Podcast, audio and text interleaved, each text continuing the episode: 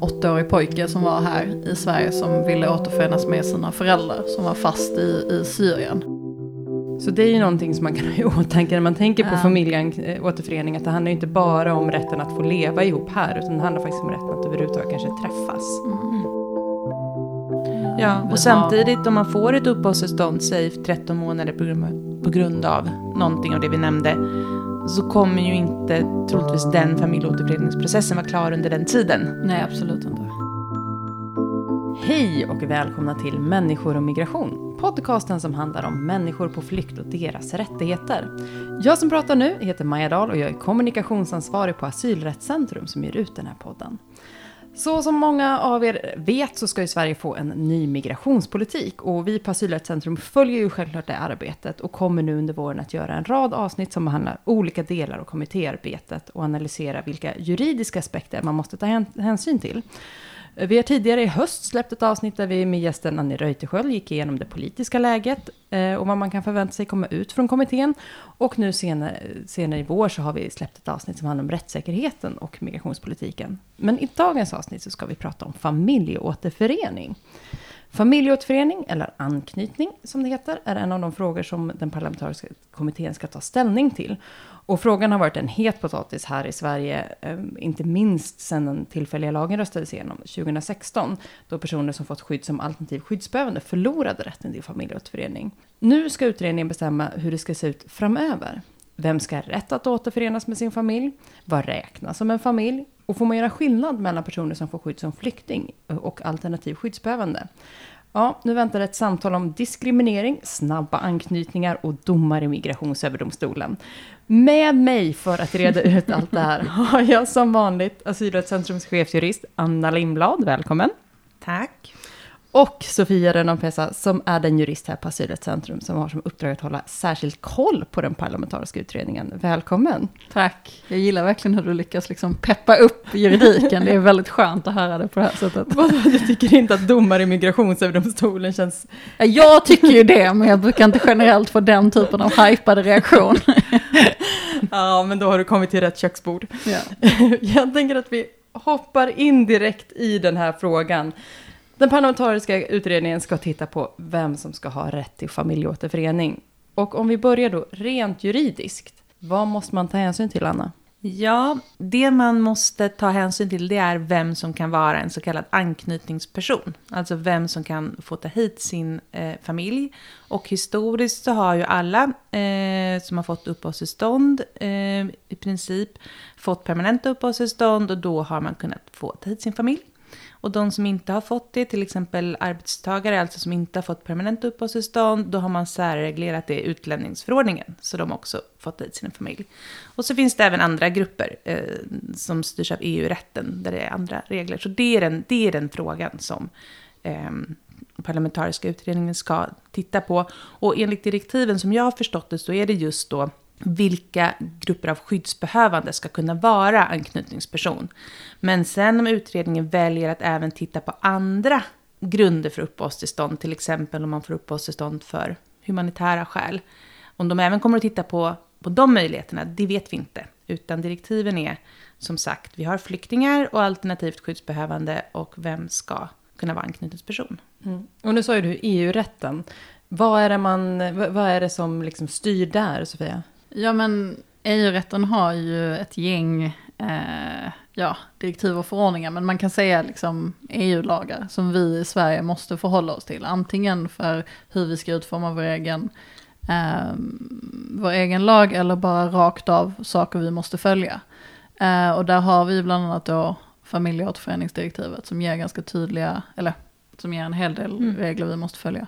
För EU-rätten, om man tänker sig som man har tittat på lagstiftning, eller hur man pratar om det, som pratar man om så här golv och tak ibland, saker som Mm. man eh, måste följa som minst, eller fol- saker som du inte får överskrida. Hur förhåller sig de här direktiven, eh, om man tittar på familjeåterförening då? Ja, ja, precis. Direktiven är ju miniminivån. Eh, sen kan det ju komma i framtiden, det tror jag kommer komma även förordningar i de här eh, frågorna. Och då måste man ju följa dem, så som de ser ut. Men än så länge så är det miniminivå. Och det finns ingenting då som reglerar det som ett tak? Att vi får inte överskrida det här? Vi får inte ge alla hej vilt rätt att återförenas, eller hur, hur ser det ut? Nej, det, Alltså jag, jag tror att, så att säga, man ska komma ihåg att eh, statssuveräniteten ändå går ganska långt och man har ändå en ganska vidgående rätt att Mm. eh, ge de man vill uppehållstillstånd i sitt eget land.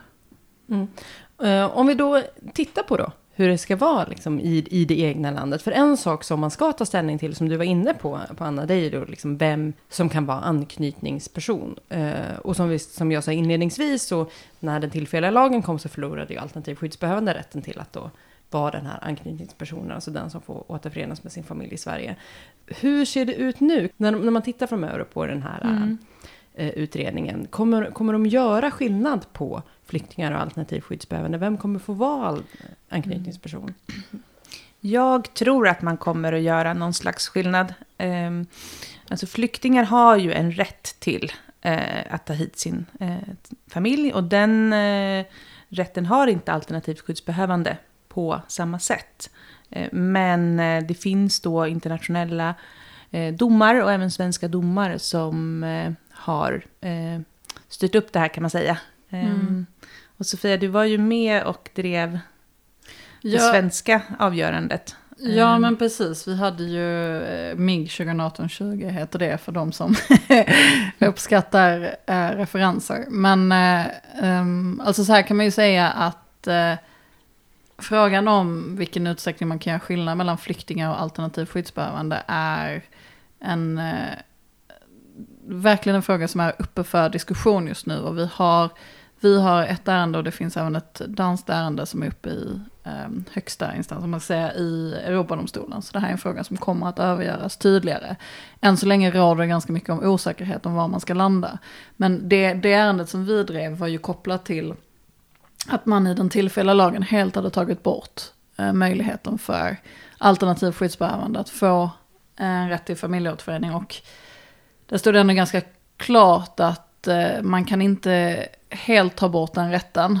Eh, och man kan väl egentligen inte helt ta bort den rätten i, även om den skulle kunna, vad ska man säga, pausas under en viss tid så är det inte särskilt stora tidsramar vi pratar om där en sån paus kan gälla. Ehm, skulle jag ändå Mm. Och, och lite om man bara backar till vad det är som är problemet här så är det ju frågan i grunden och när vi pratar om diskriminering är, är flyktingar alternativt skyddsbehövande relevant olika grupper? Det är väl det man kan prata lite om, liksom. lika fall ska de behandlas lika och olika fall behandlas olika. Så då frågar vi oss, är flyktingar och alternativt skyddsbehövande att bedöma som lika i förhållande till familjeåterförening? Och argumentet som vanligtvis förs fram är att det, skyddsbehovens längd eh, bedöms olika i förhållande till flyktingar och alternativt skyddsbehövande. Vilket är någonting som jag skulle säga är ganska mycket av en fiktion. Alltså det är ingenting vi ser i verkligheten. Att det skulle vara på det sättet en skillnad i faktisk längd kring det. Och då är frågan varför en person som har flytt på grund av den typen av behov som finns kopplat till flykting skulle ha mindre behov av att leva med sin familj än en alternativ skyddsbehövande. För det som förenar dem är ju någonstans att de inte har möjlighet att förenas med sin familj någon annanstans än i Sverige. Precis, vi ser ju personer som får flyktingstatusförklaring får ju ett treårigt tillstånd. Och de som får en alternativ skyddsstatusförklaring får först 13 månader och sen två år. Men det är just det att man får nya tillstånd. Vi ser knappt några som inte får nya tillstånd. Det finns, men de är inte många. Och så ser också Migrationsverkets statistik ut. Eh, och där har man ju den här långsiktigheten som gör hela grunden till att man ska bevilja familjeåterförening. Eh, och för korta tillstånd eh, kanske inte kan ge den, den grunden. Men de här tillstånden är inte korta, de blir långa. Och där ligger också rätten till en familjeåterförening som vi ser det. Och det om man, vill, om man vill göra det lite mer konkret så kan vi säga att det fallet som vi drev i Migrationsöverdomstolen som jag nämnde innan handlade om en eh, åttaårig pojke som var här i Sverige som ville återförenas med sina föräldrar som var fast i, i Syrien. Ehm, så att bara för att göra lite mer konkret vilken typ av ehm, vilken typ av familjeåterförening som man ändå hade blockerat och sagt nej till. eh, till viss del med den tillfälliga lagen. Och varför jag sa att jag tror att det kommer bli en skillnad, det handlar ju om att eh, man har tidigare lagt sig på en miniminivå där man helt tog bort rätten. Sen kom den här domen eh, som man anpassade sig till. Men det finns utrymme att tolka domen. Och i och med att det handlar om ett givande och tagande, såklart i den här utredningen där alla partier medverkar, eh, så är jag nog rädd för att det kommer bli ehm, eh, en skillnad i de här rättigheterna, eftersom det ändå finns ett tolkningsutrymme i domen. Men som sagt, sen har vi målen i Europadomstolen mm. som förhoppningsvis kommer lösa frågan. Men det är ju intressant det där just för att familjeåterförening är ett område där vi, vi ser väldigt många, många olika rättsområden som liksom kommer in i varandra. För vi har den svenska lagen, sen så har vi EU-rätten som vi pratade om med sina eh, direktiv och förordningar. Sen har vi då Europakonventionen som just står utanför eh, EU-rätten som då handlar om rätten till familjeliv och som, vi, som också då påverkar det här. Och sen har vi ju också eh, barnkonventionen som ju också har eh, paragrafer som gäller, eller artiklar som gäller eh, familjeåterförening. Så att det blir ju väldigt stor skillnad i hur man tolkar och vad man lägger mest vikt vid. Mm. Och det är kanske inte helt grundläggande mm. var det här bör eh, landa. Men, men, skulle det nå en, en, en positivt, skulle det bli ett positivt utfall i Europakonventionen, då har ju Sverige inget utrymme att så att säga diskriminera. Och barnkonventionen blev ju svensk lag nu i januari 2020. Mm. Och det var väl många som la en ganska stor förhoppning till att det skulle förändra eh, dels då familjeåterföreningsfrågan eh, i, inom migrationsrätten. Kan ni säga att, att ni kan se att det blir så?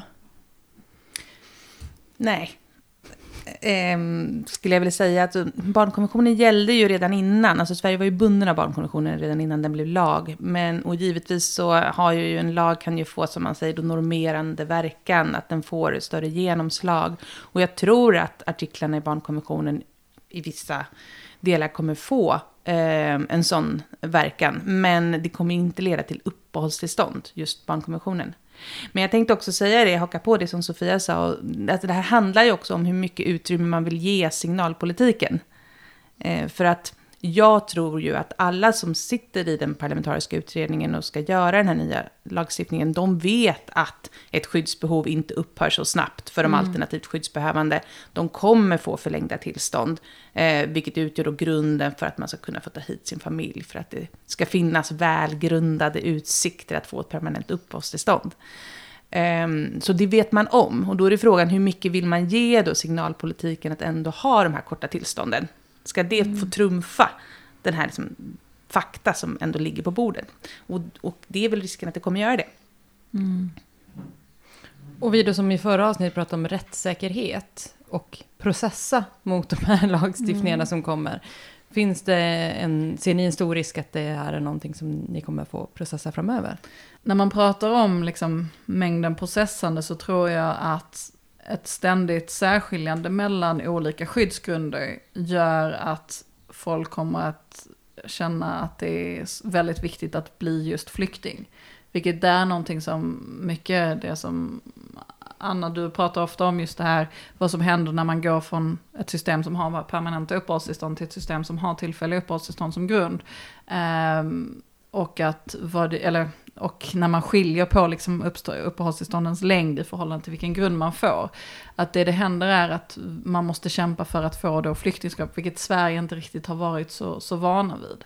Eh, och den här utvecklingen att skilja på familjeåterförening mellan flyktingar och alternativt skyddsbehövande är också en sån sak som gör att vikten av att få en flyktingstatus blir extremt stor. Eh, som också kräver en hel del processande som kanske annars inte hade varit av lika stor angelägenhet. Precis, det blir mer processer. Alltså dels eftersom då första tillståndet för en alternativt skyddsbehövande är så kort. Då har vi hela förlängningsprocessen, men vi har också processen av att vilja ha en statusförklaring. För det kan man ju begära när som helst, ansöka mm. om en statusförklaring. För att bli, få en högre klassning då, man ska säga, som flykting. En annan sak, jag tänker att vi, vi, vi lämnar den här delen om diskriminering och går mm. vidare mm. till vem det är som då har möjlighet att utifrån söka om att få komma till Sverige. Alltså mm. vad är det som räknas som familjen i familjeåterförening? Mm. Vad tror ni att man kommer komma fram till här? Ja, definitivt kärnfamilj. Och det här är ju... Man glömmer ju bort sånt, sånt här hela tiden när man jobbar med det varje dag. Men det är ju redan nu en begränsad grupp som får komma på anknytning. Mm. Det är ju den så kallade kärnfamiljen då, eh, barn som är under 18 år och make, maka, sambo, partner. Och sen undantagsfall ett vuxet syskon i den gruppen under vissa förutsättningar. Det finns en dom från Migrationsöverdomstolen bland annat som reglerar det. Men det är ganska mycket det. Um, och det har ju funnits generösare lagstiftning tidigare. Det är, till exempel sista länken, alltså hade man en gammal sjuk, kanske förälder kvar i hemlandet så kunde den få komma. Men, men det har ju tagits bort eh, successivt. Så um, det är ju kärnfamiljer med några tillägg, eller vad mm. säger du Sofia? Jo men precis, och jag, jag tror att där kan man verkligen se um, vilken påverkan det kan ha att det är liksom kärnfamiljen räknas som barn under 18 för det krävs lite extra juridisk kamp för att säkerställa att till exempel en 19-åring då kommer med i familjen, vilket man ser kan ge ganska olyckliga eh, konsekvenser i vissa fall. Um, där man liksom går från att vara en del av sin familj till att liksom helt plötsligt vara väldigt, kunna stå på sina egna ben. Så det är ju, mm. det är väldigt enkelt just att vi pratar inte så ofta om kretsen, men, men kretsen har en betydelse för um, hur väl fungerande den här familjeåterföreningen blir. Och det jag tänker också kan vara bra i det här fallet, just när du säger med att ett äldre syskon kanske inte får komma in då, mm. som kan vara bra för lyssnarna också att tänka på, tänker jag, det är ju att den här syskonet då kanske inte alls har möjlighet ens att träffa sin familj, för den mm. kommer heller inte få komma in i Sverige på ett besöksvisum. Ja, nej. Med största sannolikhet om den kommer från till exempel Syrien. Ja, nej, alltså ett, ett, en sak man tittar på när man lämnar besöksvisum är om det finns en risk för att personen söker asyl. Och finns den risken där så är man ju inte så intresserad av att bevilja det. Så det är ju någonting som man kan ha i åtanke när man tänker på ja. familjeåterförening. Att det handlar ju inte bara om rätten att få leva ihop här. Utan det handlar faktiskt om rätten att överhuvudtaget kanske träffas. Mm. mm. Och det ska man komma ihåg med familjeåterförening. Att det är ju en av få lagliga vägar in i Sverige. Um, det är ju väldigt många av de människor som söker familjeåterförening är ju i liknande situation som den personen som har kommit hit och fått bekräftat att de är i behov av skydd. Uh, så därför är det ju ganska det är viktigt att komma ihåg att det här är ju ett sätt som gör att människor kommer hit på en trygg väg istället mm. för en båt över Medelhavet. Mm. Ja, och det är ju också en ganska omständig process. Eh, det blir färre och färre ambassader så, där man kan göra den här ansökningsprocessen och eh, eh, man måste ju givetvis då ha ett pass, ett giltigt pass, kunna styrka sin identitet och så vidare. Så det är en lång process som för de flesta tar flera år. Mm. Och det ska man också komma ihåg när vi har pratat, för att ibland kan det ju finnas den här viljan av att eh, pausa tiden för då alternativt skyddsbehövande innan de får eh, återförenas med sina familjer. Det är ett sätt att så att säga göra en skillnad mellan flyktingar alternativt skyddsbehövande. Där man säger att okej okay, men ni kan vänta ett tag innan ni får söka. Men då ska man ju komma ihåg att den vanliga liksom, familjeåterföreningsprocessen vanligtvis tar, som du sa Anna, några år. Mm. Så även om det skulle stå att så här, ja men du får vänta i något år innan du får söka. Mm. Då kommer det i praktiken vara tre, fyra år. Ja, och sen när man får sitt tillstånd så kan det dessutom vara, om man kanske kommer från ett land där man sen måste ansöka om ett nationellt utresetillstånd mm. och vänta på någon slags slottid för att faktiskt få lämna landet. Så de är otroligt långa och såklart medför väldigt mycket lidande mm. för alla inblandade. Mm. Men jag tror att som jurist så är det några av de tuffaste situationerna där man har en pågående process där man verkligen ser att det finns en rätt till familjeåterförening. Mm. Och tiden går och man ser ett ganska utsatt till exempel barn bo ensamt, eh, i ganska oskyddat i ett eh, land med inte jättemycket säkerhetsmekanismer. Där de kanske, ja, eh, det är väldigt tuffa ärenden att följa. Kan man ju mm. bara konstatera. Mm. Jag tänkte att vi ändå ska gå tillbaka lite grann till det här som räknas med fam som familj. För mm. du sa inledningsvis här då Anna att kärnfamilj, make, maka, eh, sambo, om, och, ba, barn under 18 år. Mm. Sa jag inte partner också? Partner, ja du sa partner, förlåt. Men eh, det innebär ju till exempel det jag sa liksom inledningsvis, snabba anknytningar, eller det vi ofta pratar om, hbtq-personers mm. möjlighet till familjeåterförening. Det är ju, i många länder så kan ju inte hbtq-personer leva med den mm mm. de är tillsammans med eller på något sätt öppet visa sin relation. Mm. Möjligheten för en hbtq-person att få, att få rätt till familjeåterförening framöver, hur ser den ut? Mm. Jag tänkte bara börja med snabba anknytningar. Um, jag skrev faktiskt min uppsats om det på juristlinjen. det var första gången någon hade skrivit om det. Men bara att det är ju alltså personer som inte har levt i etablerade förhållanden tidigare. Till exempel man träffar någon när man kanske utomlands och jobbar och träffar någon eh, som man blir ihop med och som man vill ska få komma på anknytning. Det är tanken bakom snabba anknytningar. Att då, får man inget, då har man inte tidigare fått ett permanent uppehållstillstånd utan man har fått eh, två år och sen så eh, möjlighet till förlängning. Eh, men numera så har man ju tagit bort det här med snabba anknytningar eh, med den tillfälliga lagen då. Eh, det finns ju fortfarande möjlighet för de som har permanent uppehållstillstånd eller svenskt medborgarskap med, sven- med mm. snabba anknytningar. Men eh, för de som kommer hit och får den här statusen med tillfälligt uppehållstillstånd så går det inte. Och då blir ju effekten, om man inte har kunnat leva ihop i hemlandet och, och kunna visa det, till exempel om man har levt i en samkönad relation, så kan det ju bli så att man inte får komma på anknytning. Mm. Var det något sånär för, förståeligt? Nej men jag menar det här är ju igen en liten sån där eh, fråga som vi, alltså som är ganska otydlig. Vi har försökt rodda lite i det här. Um, um, rent krasst så, så kräver det någon typ av diskretionär bedömning. Eller det krävs någon typ av bedömning för att uh, personer som inte har levt ihop på det sättet skulle, skulle få uppehållstillstånd enligt den här typen av paragrafer. Mm.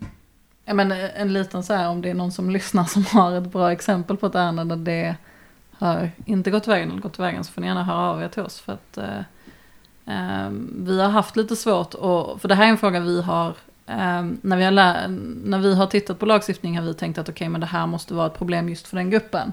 Men, men sen har vi haft lite svårt att hitta ärenden i hur det har blivit. Ja. Och, och vi har ju diskuterat lite varför det är så. Antingen så är det så att det finns någon typ av lösning här som inte vi har, har sett. Mm. Eller så kanske är det så att personer i den situationen generellt sett kanske inte söker överhuvudtaget. Mm. Och att det gör att den gallringen sker från början. Liksom. Mm. Och vi, precis, vi skulle gärna vilja ha hjälp med den analysen. För på pappret ser det ut som att det kommer inte funka att mm. söka. Om du inte kan visa att det här är ett etablerat förhållande. Mm. Eh, men vi har inte riktigt sett de ärendena i praktiken där det inte Nej. har gått. Och vad Nej. det beror på, ja, det vet vi inte. Nej, precis. Um, men det här är också igen någonting med liksom tydlig och otydlig lagstiftning. Att uh, de här otydligheterna hade kanske inte behövt existera lika tydligt om det fanns uh, förarbeten som verkligen reflekterade kring de här frågorna. Och vi har ju lyft den här problematiken i, i remissvar och i, i flera tillfällen, liksom, men inte riktigt fått något svar. Nej, precis.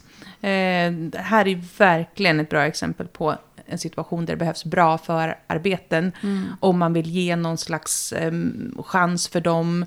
Och en eh, då, förklaring till den som ska fatta de här besluten. Hur man ska se på samkönade relationer. Mm. Eh, och där skulle man kunna tänka sig till exempel någon slags vet inte, någon slags bevislättnad. Att även om du inte kan styrka att du är gift med en person eller kanske ens att ni har bott tillsammans eller har ett hyreskontrakt eller liknande så kan man ju visa, ja, till exempel genom en intervju. Eh, mm.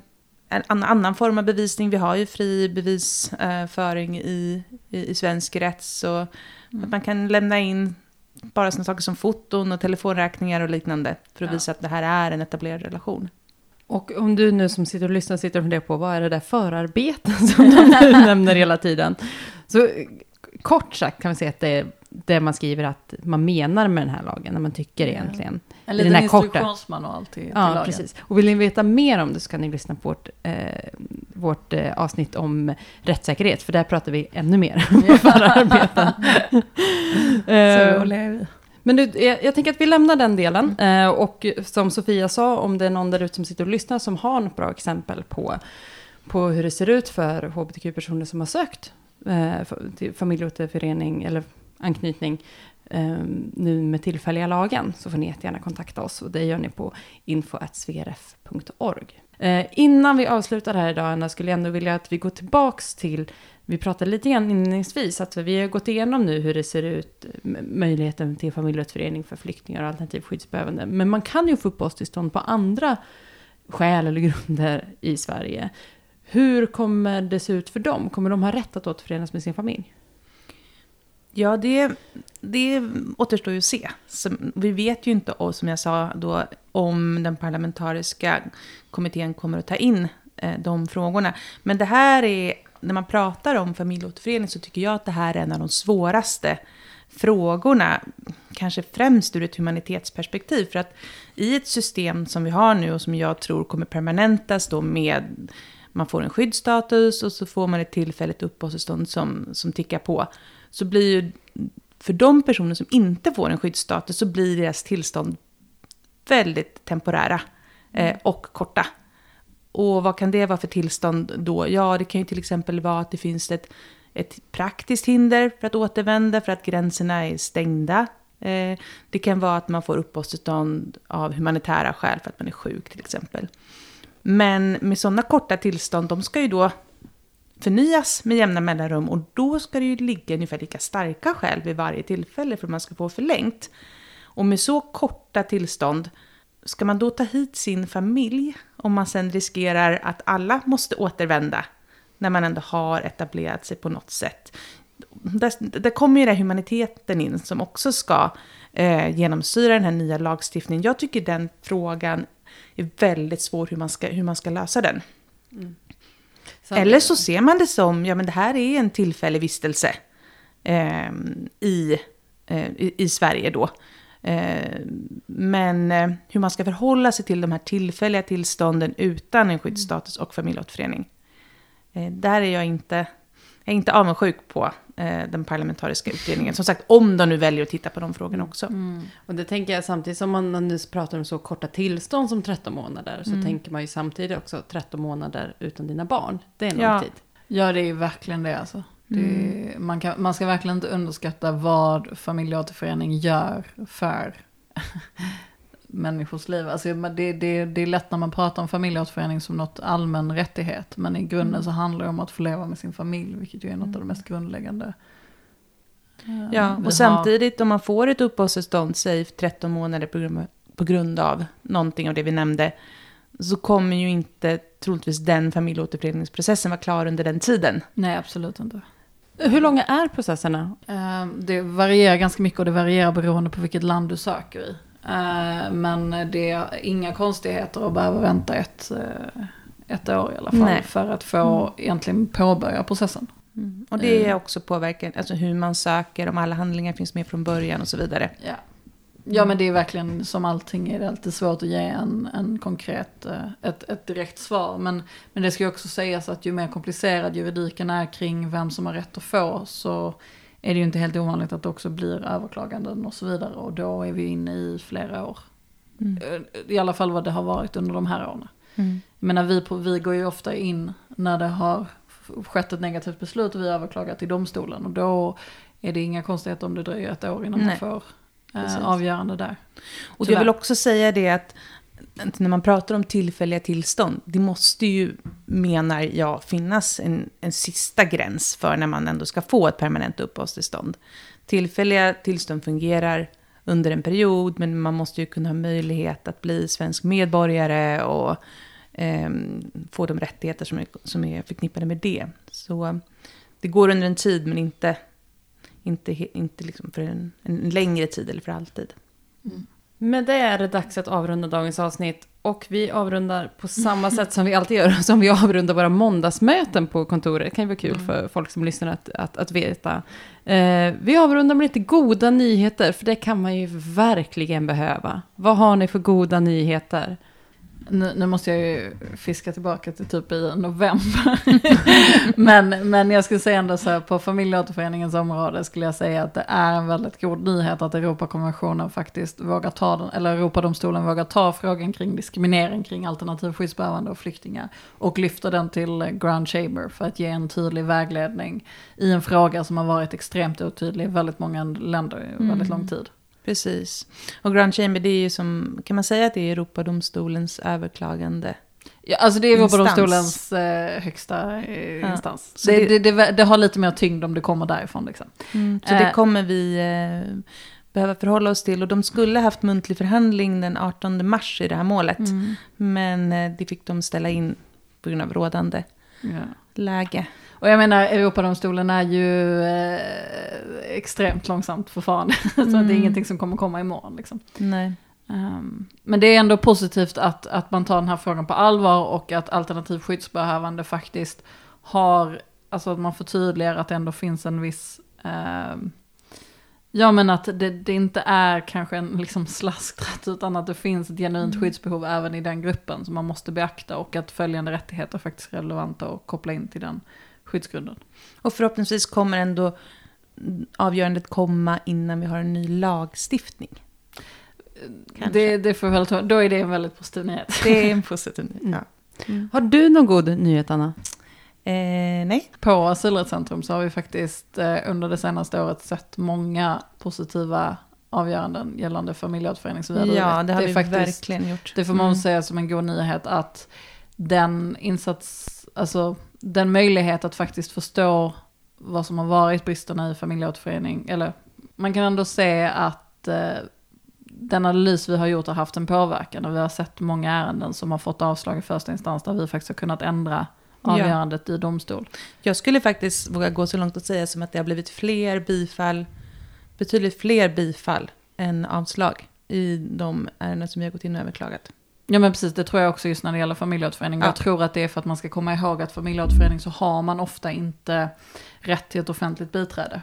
Eh, alltså man har inte rätt till en automatisk juristhjälp från staten så att säga. Mm. Utan det gör ju också att det får en väldigt stor skillnad om man faktiskt får juridisk hjälp. Ja. Eh, Så ni får kontakta oss och skicka in era ärenden. Ska försöka hjälpa er.